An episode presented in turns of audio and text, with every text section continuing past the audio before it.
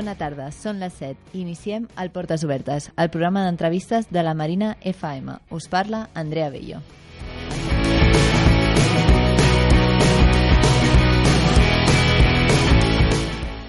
Iniciem un nou programa aquí al Portes Obertes. Avui dedicarem el programa al projecte inscrit dins del Pla de Barris anomenat Caixa d'Eines, que serveix perquè els alumnes d'instituts de, la, de la Marina i diverses entitats col·laboren per dur a terme diferents projectes. Per començar tenim aquí a l'Anni Fernández de la Marina Viva, que ha estat col·laborant en un d'aquests projectes. Bona tarda. Hola, bona tarda. I una mica explica'ns què heu fet des de la Marina Viva.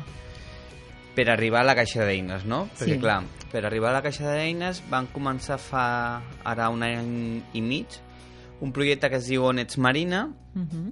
que amb aquest projecte el que volíem com a objectiu principal era crear identitat i orgull de barri, que realment és el que ens dediquem nosaltres. I vam començar a pensar, a pensar, i, i vam arribar a la conclusió que a la Marina li faltava una imatge, no? Una imatge que fos identificativa no només per la gent gran, sinó també pels nens, i a part eh, que fora del barri aquesta imatge fos representativa.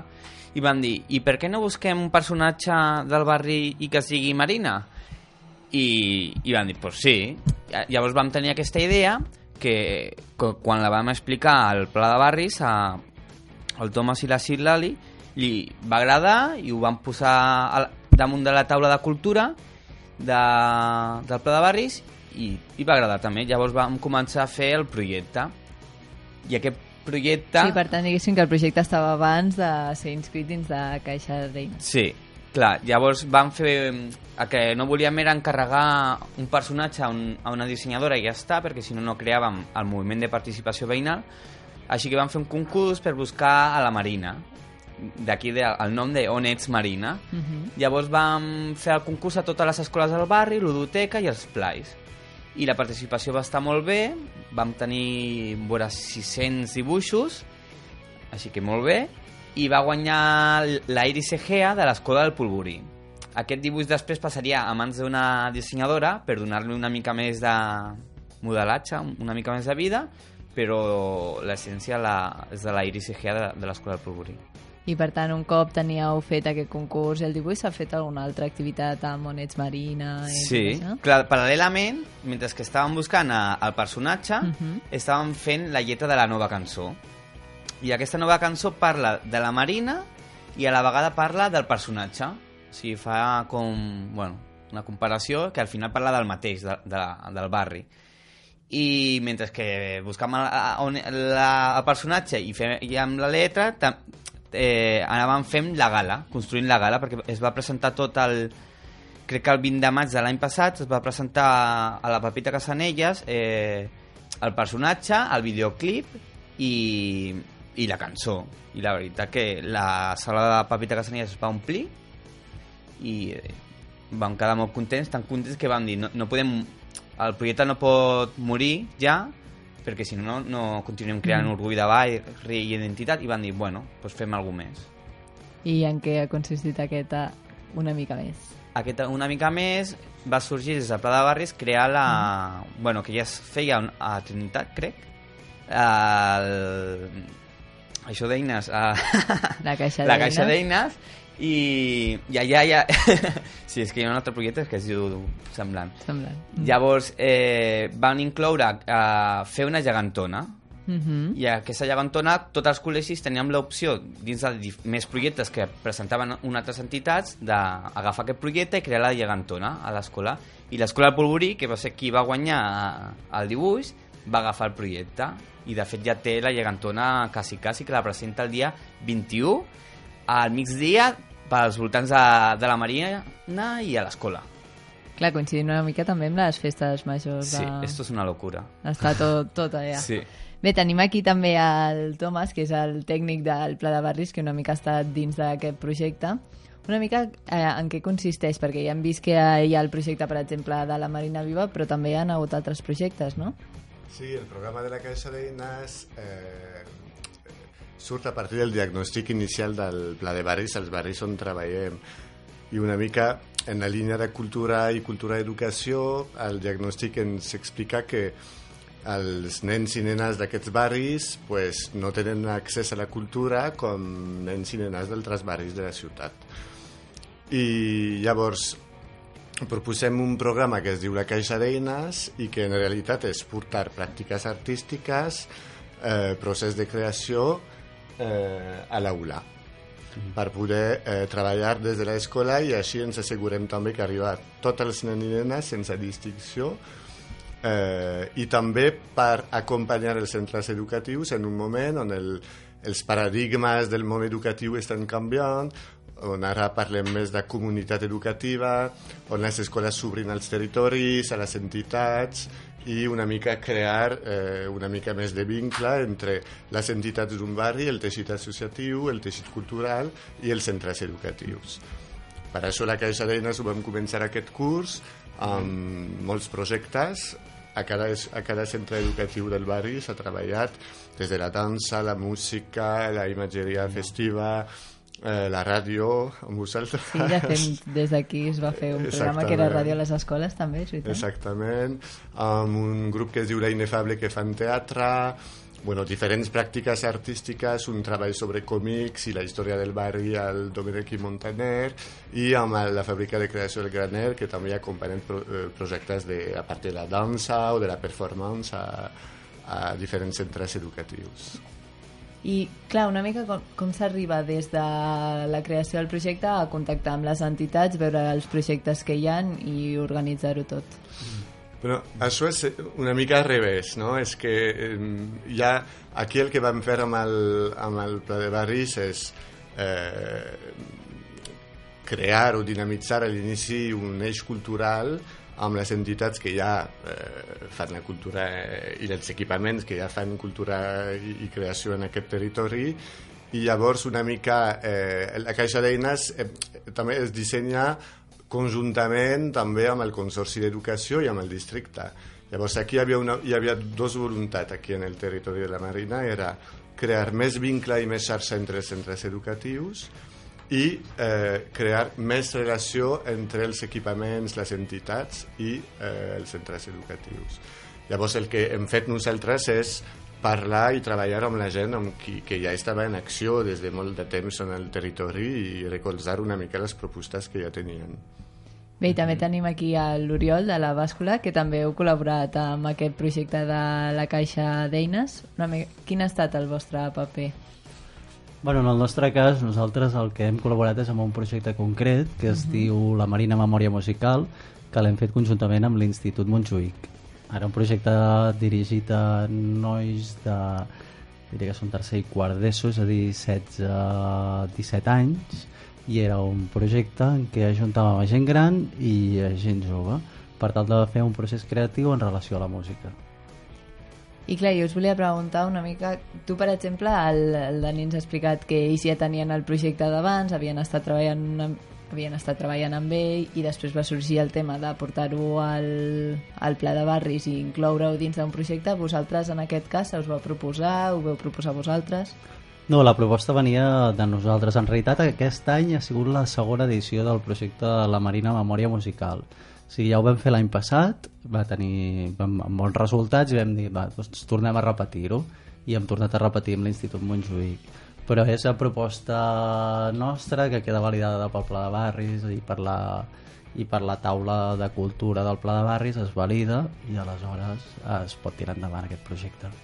Perfecte, bé, doncs eh, ara passem a fer un breu descans i et sembla com que tu has dit que veu fer una cançó sobre mm. la Marina, que és On ets Marina, si vols l'escoltem i així veiem una mica i després seguim parlant una mica de tots els vostres projectes, que us ha semblat i de la Caixa d'Eines.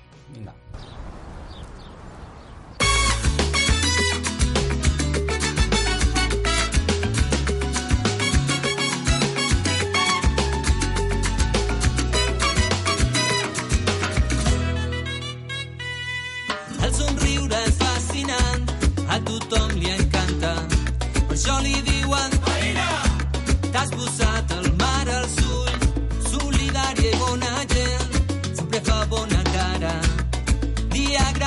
Passejar pels carrers i petites places, sempre enamorada, sempre brillant i clara,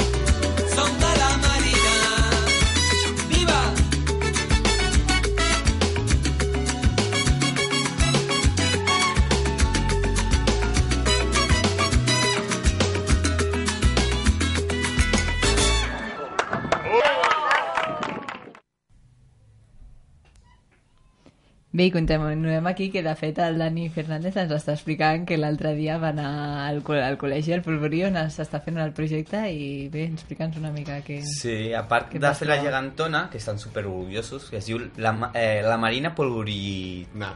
Polvorina. Polvorina. La Marina Polvorina. Diu, mira, ja té, ja té nom, perquè la, la nostra es diu Marina de Port Vermell. Que, bueno, tenen dos apellidos, mira. I estan tan emocionats que han fet un mural amb tot el procés de com han fet la, la gegantona i a part han fet han dibuixat la gegantona també i estan tan emocionats que volen fer més coses pues, van dir que teníem en ment de fer la història de la Marina o sigui, del personatge i, i van dir, pues, potser la podem fer amb totes les classes, que cada classe aporti una mica i crear aquesta història Una mica la biografia Sí. del personatge. i després va sortir, bueno, i si fem també eh, com un còmic, un dibuix amb tota la història, estaria bé diu, ah, pues sí Sí, sí, sí. Sí, sí. Eh, tu t'apuntes sí, a tot, sí, no? Sí, sí. Bé, una mica m'agradaria que féssiu ara una, una valoració de- d'aquests projectes que heu portat vosaltres, que heu fet, una mica quins són els punts forts que destacaríeu de- d'aquest treball amb els instituts. Bueno, doncs començo jo amb l'LMM, li diem, l'escurcem una mica, la Marina Memòria Musical.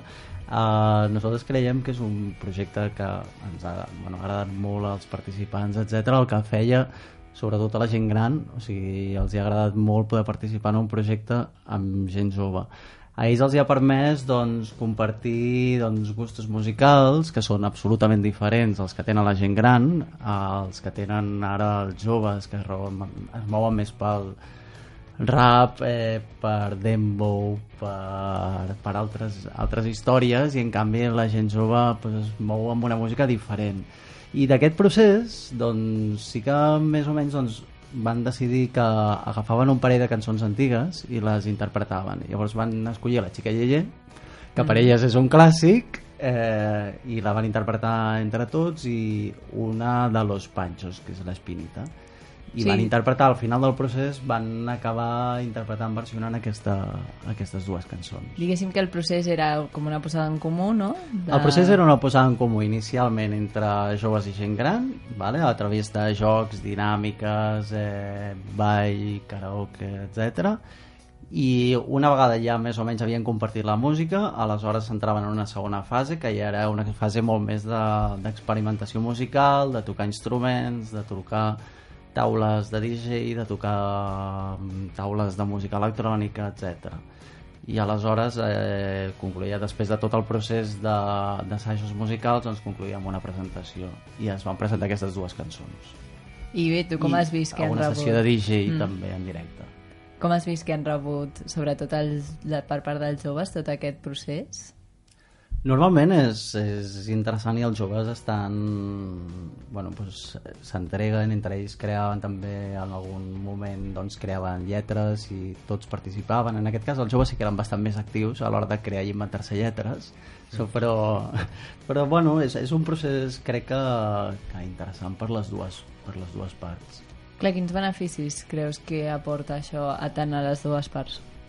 Tant als joves com als més grans. A curta distàncies. En realitat el que fa és a curta distàncies i apropar-los i veure que tampoc no... O sigui, que per més que tinguin diferències, doncs, pues que, bueno, que al final pues, es posen d'acord i, i tampoc no són tan diferents, al final. I des de la Marina Viva, com heu vist aquesta experiència? Punts forts. Eh, bueno, el nostre objectiu era crear identitat de barri i bueno, no és una cosa d'un dia per, per l'altre, però sí que és veritat que portem 8 anys i abans molt poca gent deia la Marina i mica en mica la gent diu la Marina i també aquesta, això de mariners i marineres que és un gran invent nostre que mica en mica bueno, la gent ho diu i això està bé i mica en mica la, des de, ens sentim més de Barcelona o sigui, som Barcelona a veure. Però sí que és veritat que a vegades feien notícies al propi ajuntament deien la zona franca i ara ja és la Marina i tothom ens reconeix molt I sobretot des de que treballa amb els instituts, com creus que canvia això de treballar doncs, amb altres... Clar, nosaltres vam treballar amb els més petits. bueno, realment a- fins sisè. No, vam treballar fins sisè. Sí, sí. El que passa és que és un treball més, més llarg, perquè clar, ara hemos puesto la semillita y hay que ver cómo eso, cómo eso brota. Llavors, com ha estat el treball amb institut... Bueno, amb nens, Amb col·les. de fet, amb Clar, nosaltres col·legis? ah, només hem, hem anat per vendre el producte, diguem, al concurs, i després per agafar tot, tots els dibuixos. Eh, Ha sigut més l'escola que ha treballat al, al procés. I els resultats? Els resultats, doncs, tenim un munt de dibuixos que podria ser una marina o podria ser una altra, però va guanyar la, la Casabel. I després també m'agradaria que féssiu el procés contrari. Quins punts potser més negatius o quines coses canviaríeu potser del procés del projecte, de com s'entra la caixa d'eines o alguna cosa així més... Potser participar més en el procés o... Bueno, potser que, que el, el, la caixa d'eines està molt bé, però falta una mica més que la gent coneixi el, el projecte. O sigui, als, a, a, als col·lis arriba i ho fan molt bé, però la gent del barri desconeix una mica, potser, el projecte. I és difícil perquè a la Marina passen mil coses i, clar, donar espai a tot és complicat. Clar, a més són diversos projectes, clar, no és un projecte comú, sinó que són, clar, pues el projecte de la memòria musical, el projecte de la geganta de la Marina, suposo que són coses molt diverses. Mm. Això ho veieu com algo positiu? Sí. Estem treballant el mateix, realment. En realitat és una forma de treballar entre les entitats o els equipaments. Eh, el bo del cas és eh, doncs que s'estableixi una relació de manera permanent, és a dir, ara amb la caixa d'eines o amb el pla de barris ha sigut possible, i llavors la, la cosa és que, que d'alguna manera o altra això s'estabilitzi i s'estableixi una relació permanent entre educació, els centres educatius, instituts i escoles, i el que són les entitats o els equipaments. Aquí hi ha una, té una petita dificultat i és una... És a dir, que molts projectes sí que és veritat que sense un finançament extra més enllà del que tenen les pròpies entitats no es podrien portar a terme. És a dir, el pla de barris ha anat molt bé, però punt negatiu, què passa en el moment en què desapareix el pla de barris? Sostindran aquests projectes? I aquesta és, el, és la cosa més negativa, diguéssim, del cas perquè potser no es poden sostenir tots i s'han de retallar o s'han de fer Sense- projectes molt més petits. Clar, per tant estan una mica ara en l'aire, no? Clar, nosaltres hem anat una mica més ràpid perquè veiem que això s'acabava i, i vam decidir que teníem que fer la gegantona del barri, la, la geganta, i com va coincidir que vam guanyar el Premi Sants Montjuïc per aquest projecte d'Units Marina, vam decidir que els 500 euros de premi el ficaríem al pla de barris més que fica al pla de barris per poder fer aquesta gegantona, però sí que és veritat que sense el suport de pla de barris no, nosaltres no podíem assumir fer una gegantona. O sigui, realment està molt bé. Clar, si volem que els, que els projectes i els processos siguin eh, coherent amb els, centre, els centres educatius i que siguin de qualitat amb el que passa amb, el, amb els joves, amb els nens, amb les nenes, es necessita una economia eh, que permet desenvolupar això. Vull dir, no sé quantes persones han treballat en el projecte de la bàscula, però hi ha músics, hi ha dinamitzadors, hi ha, vull dir, hi ha tot un equip que permet que això sigui viable. Llavors, això pues, eh, ho he dit molt bé l'Oriol, el pla de barris té aquesta és una injecció de diners durant un temps eh, delimitat i a partir d'aquí una mica la nostra feina el curs vinent és acompanyar aquests projectes però també treballar amb els diferents departaments de l'administració per veure com després del pla de barris pues hi ha un pla per poder sostenir una mica tots aquests projectes a, a mitjà termini. Eh, i, I per respondre també una altra cosa sobre la relació amb el barri, jo crec que han fet un esforç tothom molt important de, de que el resultat dels projectes, bueno, la fase final, sem, quasi en tots els casos s'ha presentat fora del centre educatiu, en un espai Eh, pues aquí han fet, per exemple, en transit fa dues setmanes i són les diferents optatives eh, artístiques amb la bàscula, amb el graner, amb una companyia de teatre Artishoc i tot l'Institut Montjuïc ha fet tota una tarda des de la bàscula cap a l'Institut i llavors això està, són, són accions obertes a la gent del barri. Òbviament era un primer, una, una primera una possibilitat que s'ha de seguir treballant, però és molt important el que deia el Dani, que tots aquests projectes si es queden a l'aula no tenen molt de... tenen sentit per l'aula, però vull dir, el que fa realment sentit és quan pues, les escoles eh, sentin que la bàscula és un espai, un recurs possible i que el, el bàscula senti també que el centre educatiu que està a prop pues, és un espai on s'ha de tramar relacions, on es pot fer moltes coses i que a més és un públic potencial més endavant per les activitats de, de l'un i de l'altre, no? Clar, per tant, vosaltres des de les entitats heu vist aquest, aquesta facilitat o una, un major contacte, sobretot amb les escoles, amb els instituts, de poder pues, potser apropar una mica als projectes que teniu vosaltres, amb els que tinguin els, insti bueno, els instituts o les escoles? En el cas de la bàscula era un procés que nosaltres ja havíem engegat en el sentit que el que ens interessava era fiançar la relació amb els instituts que en aquell moment fa potser 3 anys no existia com existeix ara. Ara tenim moltíssima bona relació amb els instituts ells estan en contacte amb nosaltres i ens demanen coses, nosaltres estem en contacte amb ells amb diferents projectes i fora del pla de barris eh, és veritat que la relació molt continuada per la Marina Memòria Musical també ha fet que encara hi hagi més contacte però fora del Pla de Barris també hem engegat altres projectes fa dos dies nosaltres eh, uh -huh. ens en vam anar als instituts a tots els instituts amb un projecte que li diem Body Dub eh, que en realitat és un projecte de batucada que ho hem sí. fet amb brincadeira i el que hem fet és fer una coreografia entre de percussió corporal i de, i de percussió amb tambors vale? que l'hem realitzada tant a l'Institut Montjuïc amb tots els alumnes. Hem gravat un vídeo de tota la coreografia aquesta, de 4 minuts a cada institut, i després en farem un tercer vídeo conjunt amb, amb els dos instituts i la bàscula també com a localització. També el que volem fer és enllaçar tots els instituts, perquè si bé treballem Clar. només amb un institut i després treballem amb un institut, és agafar un projecte compartit que facin uns alumnes d'un institut i uns alumnes de l'altre. I amb aquesta, amb aquesta cosa hem creat també aquesta body dub que la concloem demà.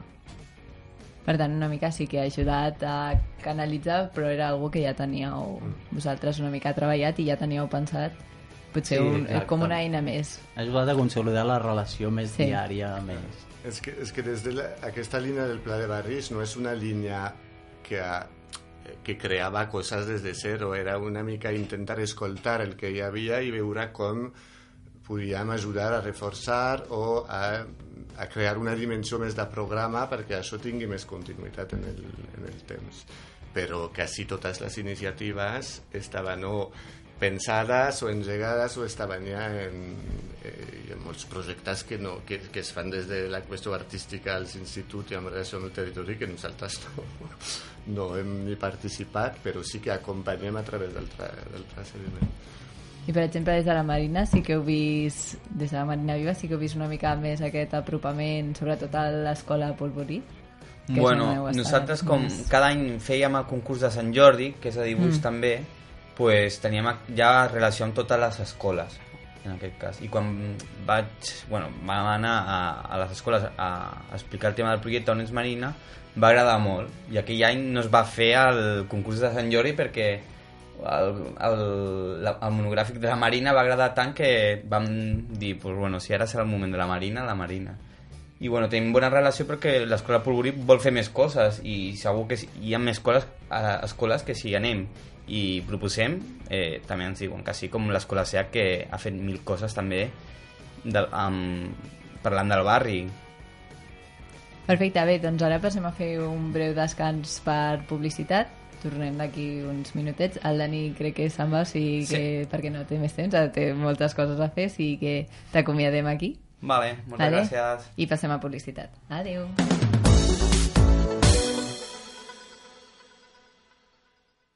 Però què és això que sona? Són les paradistes i els botiguers de Barcelona que són tan bons que es mereixen una rumba. Sona bé, oi? Descobreix totes les històries a barcelona.cat i a les botigues del teu barri. Ajuntament de Barcelona.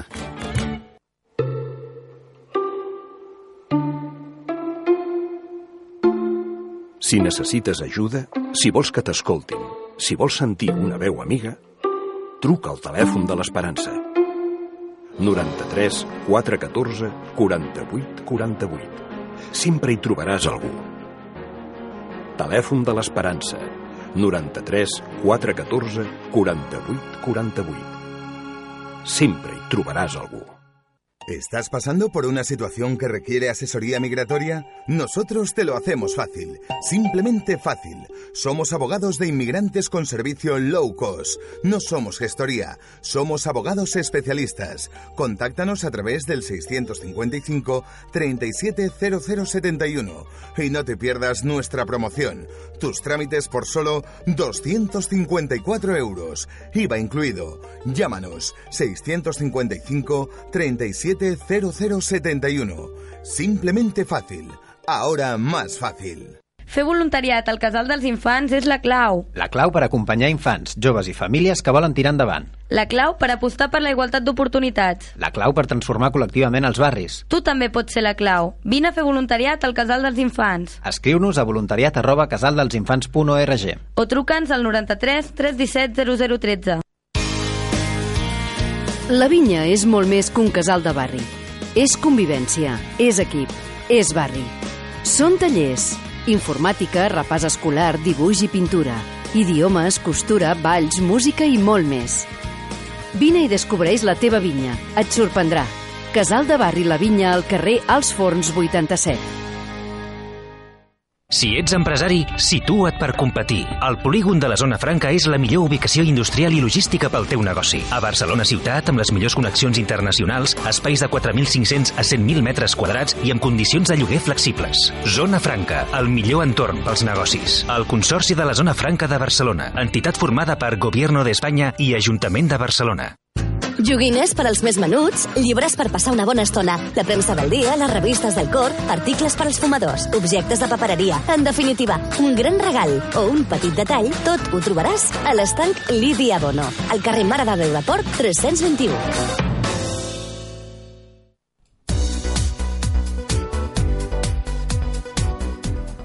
Comunicat especial. Des del 25 de juny fins al 8 de juliol, la programació habitual de la Marina FM quedarà interrompuda amb motiu del trasllat de les nostres instal·lacions. La programació amb normalitat s'iniciarà de nou el 8 de juliol. Us esperem a la tornada.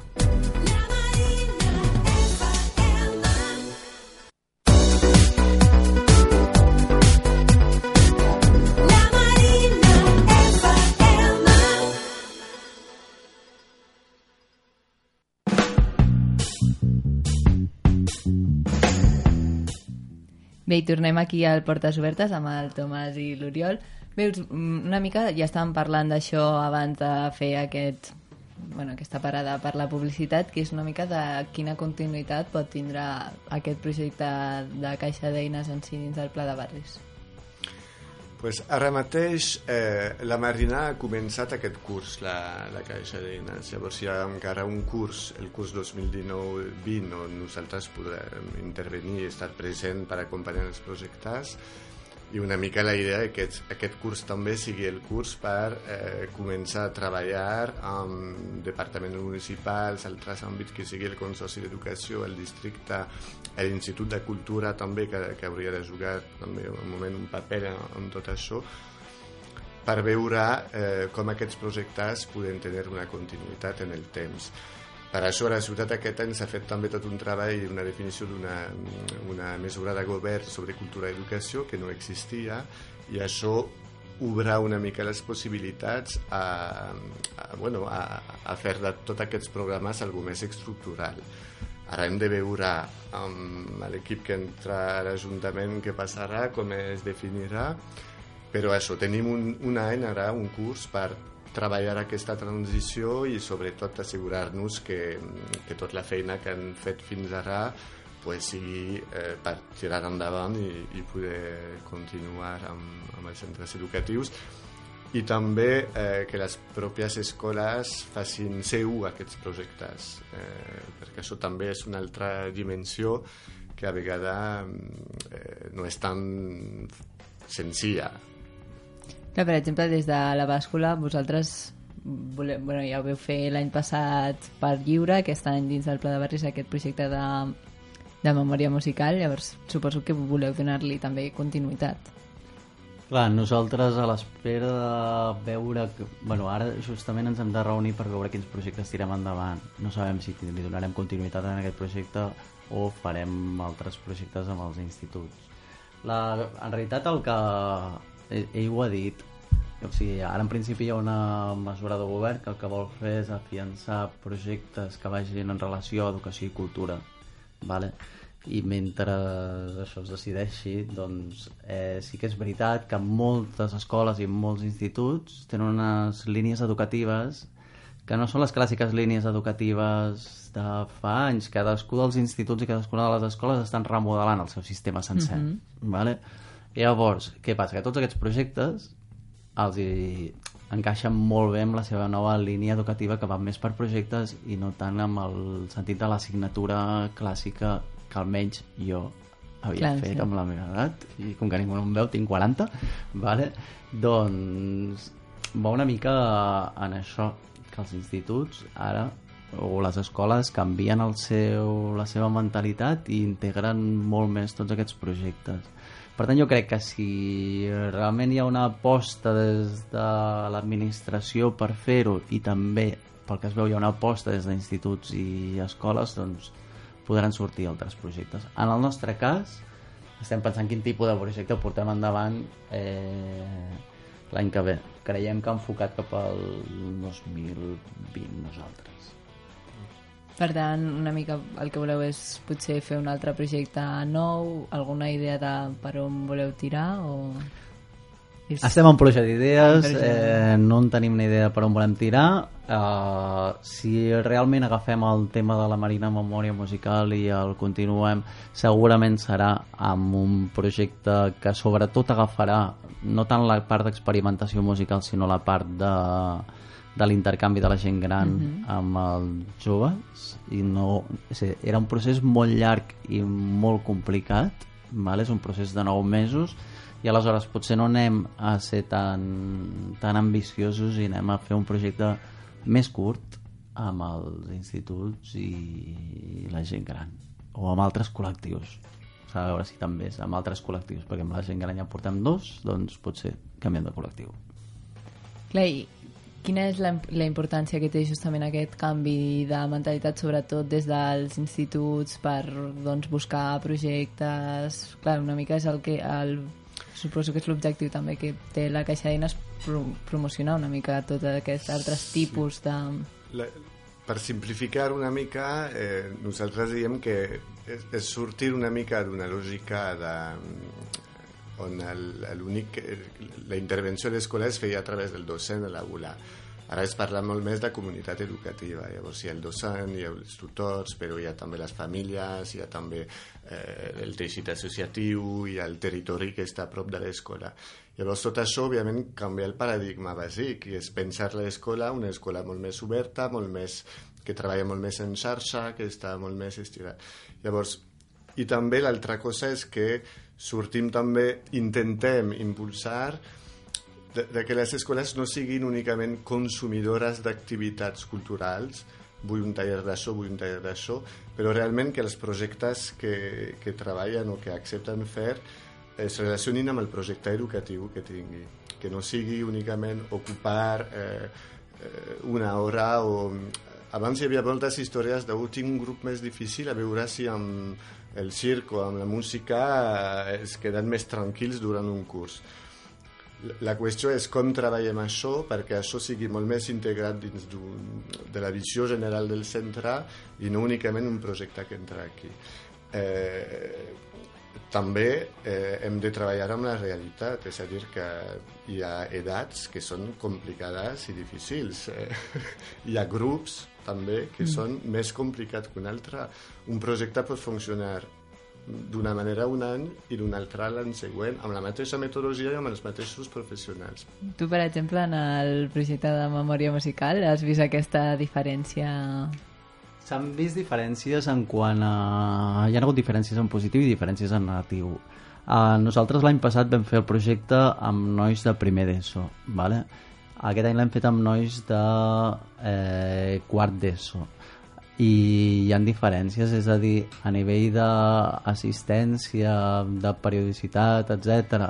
O sigui, en el cas del primer d'ESO eh, era evident que, que o sigui, no hi havia cap, cap... O sigui, assistien tots els xavals i tothom diguéssim que anava cada setmana perquè es feia cada setmana. En el cas dels adults bueno, els adults, dels nois de 16 sí que ha sigut molt més irregular. Però per altra banda sí que hi ha una implicació major en el moment en què algun dels nois de 16 anys eh, li agrada, o sigui, el, en relació amb els de 12, mm. la seva implicació es multiplica per 10. És a dir, mm. s'entrega molt més.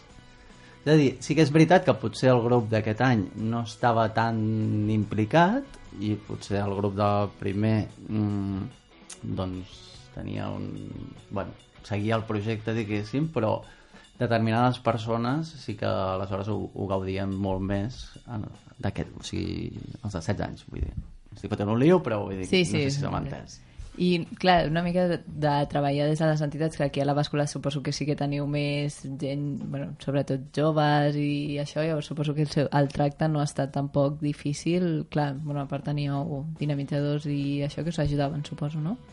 Clar, bueno, en el cas de les persones que treballen amb els joves ja estan seleccionades com perquè tinguin un bon tracte amb els nois i perquè sàpiguen com portar-los perquè no és el mateix posar un músic podríem haver posat un músic i que tingués un músic boníssim però si no tenia experiència amb nois pues, a lo millor se'l menjaven o no acabava de sortir bé la història Llavors sí que també és important el perfil que tingui aquest, el tallerista o talleristes amb el tracte amb la gent jove.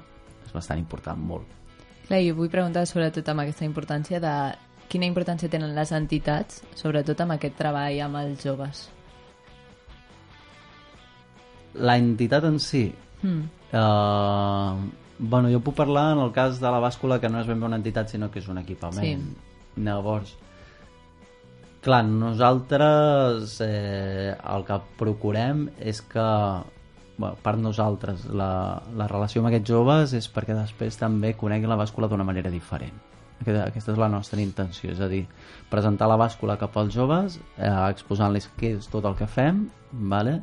integrar-nos dins de l'institut amb dinàmiques de l'institut i etc i que els joves ens coneguin d'una manera diferent o canviïn la perspectiva que tenen de la bàscula com un I... lloc integrador. En el cas de les entitats, la importància...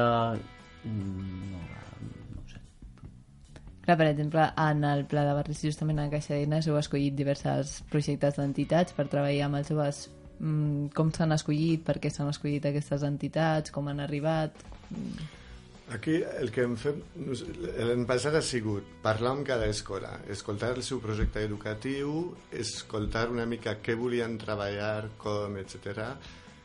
I a partir d'aquí eh, hem proposat a entitats del territori de, de, de fer-nos la proposta d'un projecte, però per respondre hi ha uns objectius en concret. Els objectius poden ser eh, volem eh, eh, treballar eh, un objectiu molt concret eh, eh, les relacions entre els nens i les, o la relació amb les famílies o és, eh, bueno, són, són objectius molt diferents. I a partir d'aquí hem fet una proposta eh, bueno, ens han fet les entitats propostes de projectar i el que hem fet és, és com un petit catàleg, anar a les escoles i dir, mira, aquí són les propostes que hi ha des del territori i potser aquesta o aquesta encaixar una mica més amb les demandes que heu fet. I, i, i s'ha treballat així una mica no en tots els casos, el cas de la bascula ja existia abans, bueno, ja, Mm. ja l'havien pensat abans de la Caixa d'Eines, entrat a través de l'Eix Cultural, sí, sí. el primer curs, però i el Graner, que és un centre de dansa que ja feien dansar des de molt de temps també amb les bressols i amb escoles del territori però si no, per exemple, Enric Granados i a Can Clos volien treballar teatre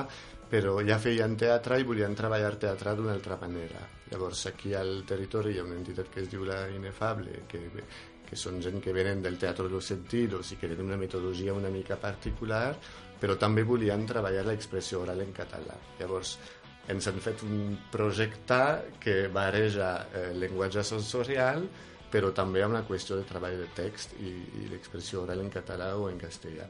Llavors, fet, la idea és treballar una mica a mida, eh, intentar respondre als interessos tant de l'escola que del, dels creadors, de les equipaments de les entitats, trobar aquest equilibri perquè tothom es senti còmode en aquesta relació. A vegades funciona millor, a vegades funciona Pitjor. pitjor, però mm, en general jo crec que és una manera també de, de treballar des de, des de l'escolta i de veure qui pot proposar què i, i també jo sé també que eh, fer un projecte que dura tot un curs dues hores setmanal quan parlem d'optatives per exemple al Montjuïc amb un equip, coordinar-se amb l'equip pedagògic, amb els docents, eh, tot això és una feina important, vull dir, no és que anem a fer un taller, eh, és que va molt més enllà i imagino que per, tant per la bascula i per tothom que ha treballat són hores de feina, de preparació, de... Vull dir, és una implicació real, eh, tot això. Llavors, aquí també hi havia la dificultat, dificultats de veure amb les entitats que o, o els equipaments ja estan treballant amb això, però les entitats, per exemple la Marina Viva, que són voluntaris, és molt complicat demanar una presència setmanal eh, i assegurat. Llavors Mm. aquí el que hem fet és fer el projecte amb la Marina Viva, però després buscar un, un tallerista, un artesà que ve del món de la, de la cultura popular i que sap fer, i que ell ha fet el treball a l'aula, acompanyat, coordinat per la Marina Viva. Però s'havia d'inventar unes maneres Sí.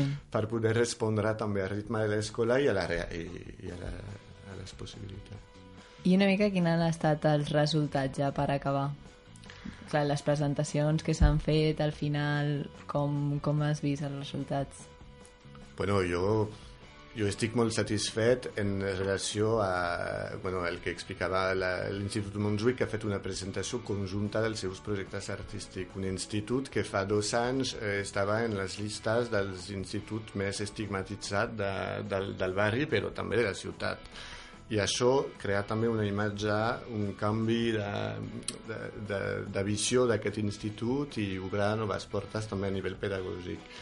I la presentació que han fet, que a més simbòlicament era eh, fer una part dels espectacles aquí, de les presentacions en la bascula i després els, els nois i les noies ens portaven en itinerari cap a l'institut on hi havia un espectacle de teatre però en el camí hi havia petites accions pues això relata molt bé la relació entre un equipament, un institut, eh, la creació artística, el món de l'escola, tot això la presentació del, dels programes de ràdio de la, de la Mm. Mesera en la plaça de la, de la Marina també va ser un moment molt, molt bonic perquè hi havia moltes famílies que Mm. venien a escoltar els seus nens, les seves nenes eh, en el seu programa i són moment i tota la gent del barri que estava en aquest moment en aquesta plaça sí. llavors això és, era també molt, més enllà de la relació amb l'escola Eh, I després hi ha projectes que s'han presentat... Bueno, la setmana passada s'ha fet un còmic amb el, amb el Domènec sobre que es diu la, Les veus de la Marina s'ha presentat a la biblioteca i llavors pues, eh, cadascú va explicar el seu petit còmic, és com un recull de diferents històries eh, que, han, que han creat i això pues, s'ha fet a la, a la biblioteca un acte també molt bonic, han fet tot un relat, un text del procés que havien viscut, de resultats, i ara pues, hi ha com 500 ex- exemplars que començaran a repartir-se una mica en tot el territori. I després accions molt més cap a dins, perquè eren eh, potser moment més fràgil, eh, sessions de teatre que s'ha fet amb les famílies però encara no obert al barri perquè eh, el grup era més fràgil o perquè el ritme de treball també no era un ritme que permet. És important pensar eh, a l'equilibri aquí, bueno, a l'equilibri o no, i, i, entre el procés que viuen i el resultat. Dir, per nosaltres el resultat és un, és un element però òbviament el que, el que és més important és una mica el que deia Oriol si eh, dos joves d'aquest projecte eh, es queden amb aquest projecte al fin de curs i segueixen l'any vinent que això les ha passat algo realment en el cos, en el cor, en el, la manera de pensar pues l'impacte eh, és molt important i, i després hi ha projectes eh, i torno al Montjuïc però que ha impactat en el centre eh, perquè no sé quan hi havia 3-4 projectes artístics en paral·lel en 3-4 grups classe i això està quasi creant una identitat de centre. Aquí es fa creació. A un moment eh, estàs creant una, una cosa. Llavors hi ha projectes que no fan presentació. A la Barquenó, a la dansa no faran presentació. Però no és el problema. El problema és el procés ha tingut un impacte sobre els que han participat, sobre el centre, etc. Clar, tu que has pogut potser estar més en contacte amb professors, sobretot amb els alumnes, eh, has vist que han quedat doncs, contents, satisfets amb tots aquests... Sí, aquí també és un terreny delicat i, i on hem de treballar molt perquè eh, acceptar quan tu ets tutor d'un grup classe i, i que ve una bàscula amb una altra metodologia, una altra manera de fer, has de, de definir aquesta relació. Eh, jo tinc un rol amb els, amb els alumnes, però quan, quan ve gent de fora a crear una altra dinàmica, el meu rol es desplaça. Llavors això hi ha docents que ho veuen com una cosa molt positiva i molt constructiva, que entenen que canviar el seu rol, desplaçar-se, és també apropar-se als alumnes des d'un altre lloc, i també hi ha altres que les costa més perquè pensen que perden autoritat, que les normes que han definit ja no tenen sentit i que es qüestiona la seva legitimitat. Llavors, tot això s'ha d'acompanyar també en paral·lel als projectes eh, bueno, perquè tothom entengui que, que al final co- com fer perquè tothom guanyi l'alumne, els que venen a fer el projecte, els docents i la, la pròpia escola i el barri per conseqüència. I a nivell dels alumnes, que clar, al final són els que reben tots els projectes i com, com has vist que els han rebut? Jo, en general, eh, he vist eh, en les presentacions alumnes eh, super, molt dedicats al que feien, eh, supercontents, eh, orgullosos del que presentaven. Eh, llavors, per mi això és un, funciona, funciona molt bé. Per tant, al final, diguéssim que és una valoració positiva la que feu del... Sí, jo, jo faig una valoració molt positiva de tots aquests projectes. Eh? Òbviament, des de eh, pensant que estem a l'inici d'un camí, per dir-ho així. Si pensem que això és un punt de partida eh, per seguir construint i reflexionant sobre els projectes i com fer-ho, pues jo crec que estem com un punt de partida ja, ja és algo molt positiu. Però una mica també en, en el que ha dit l'Oriol és que potser que quan tu treballes en un centre educatiu dos, tres, quatre anys, pues has de, has de qüestio, evolucionar el projecte o, o fer canvis a un moment o trobar altres maneres de fer perquè per no entrar també en un sistema de repetició, com és l'escola també, vull dir, de, aquest any fem això, aquest any fem això. Llavors potser s'ha de crear una dinàmica eh, que evoluciona en, en el temps. Bé, doncs moltes gràcies per estar aquí amb nosaltres. Esperem l'any que ve poder tornar a fer un programa amb els resultats del curs vinent i aquí deixem el programa, així que aquí s'ha acabat el Portes Obertes. La setmana que ve no hi ha programa perquè recordem que com que estem de trasllat, durant dues setmanes no hi haurà emissions.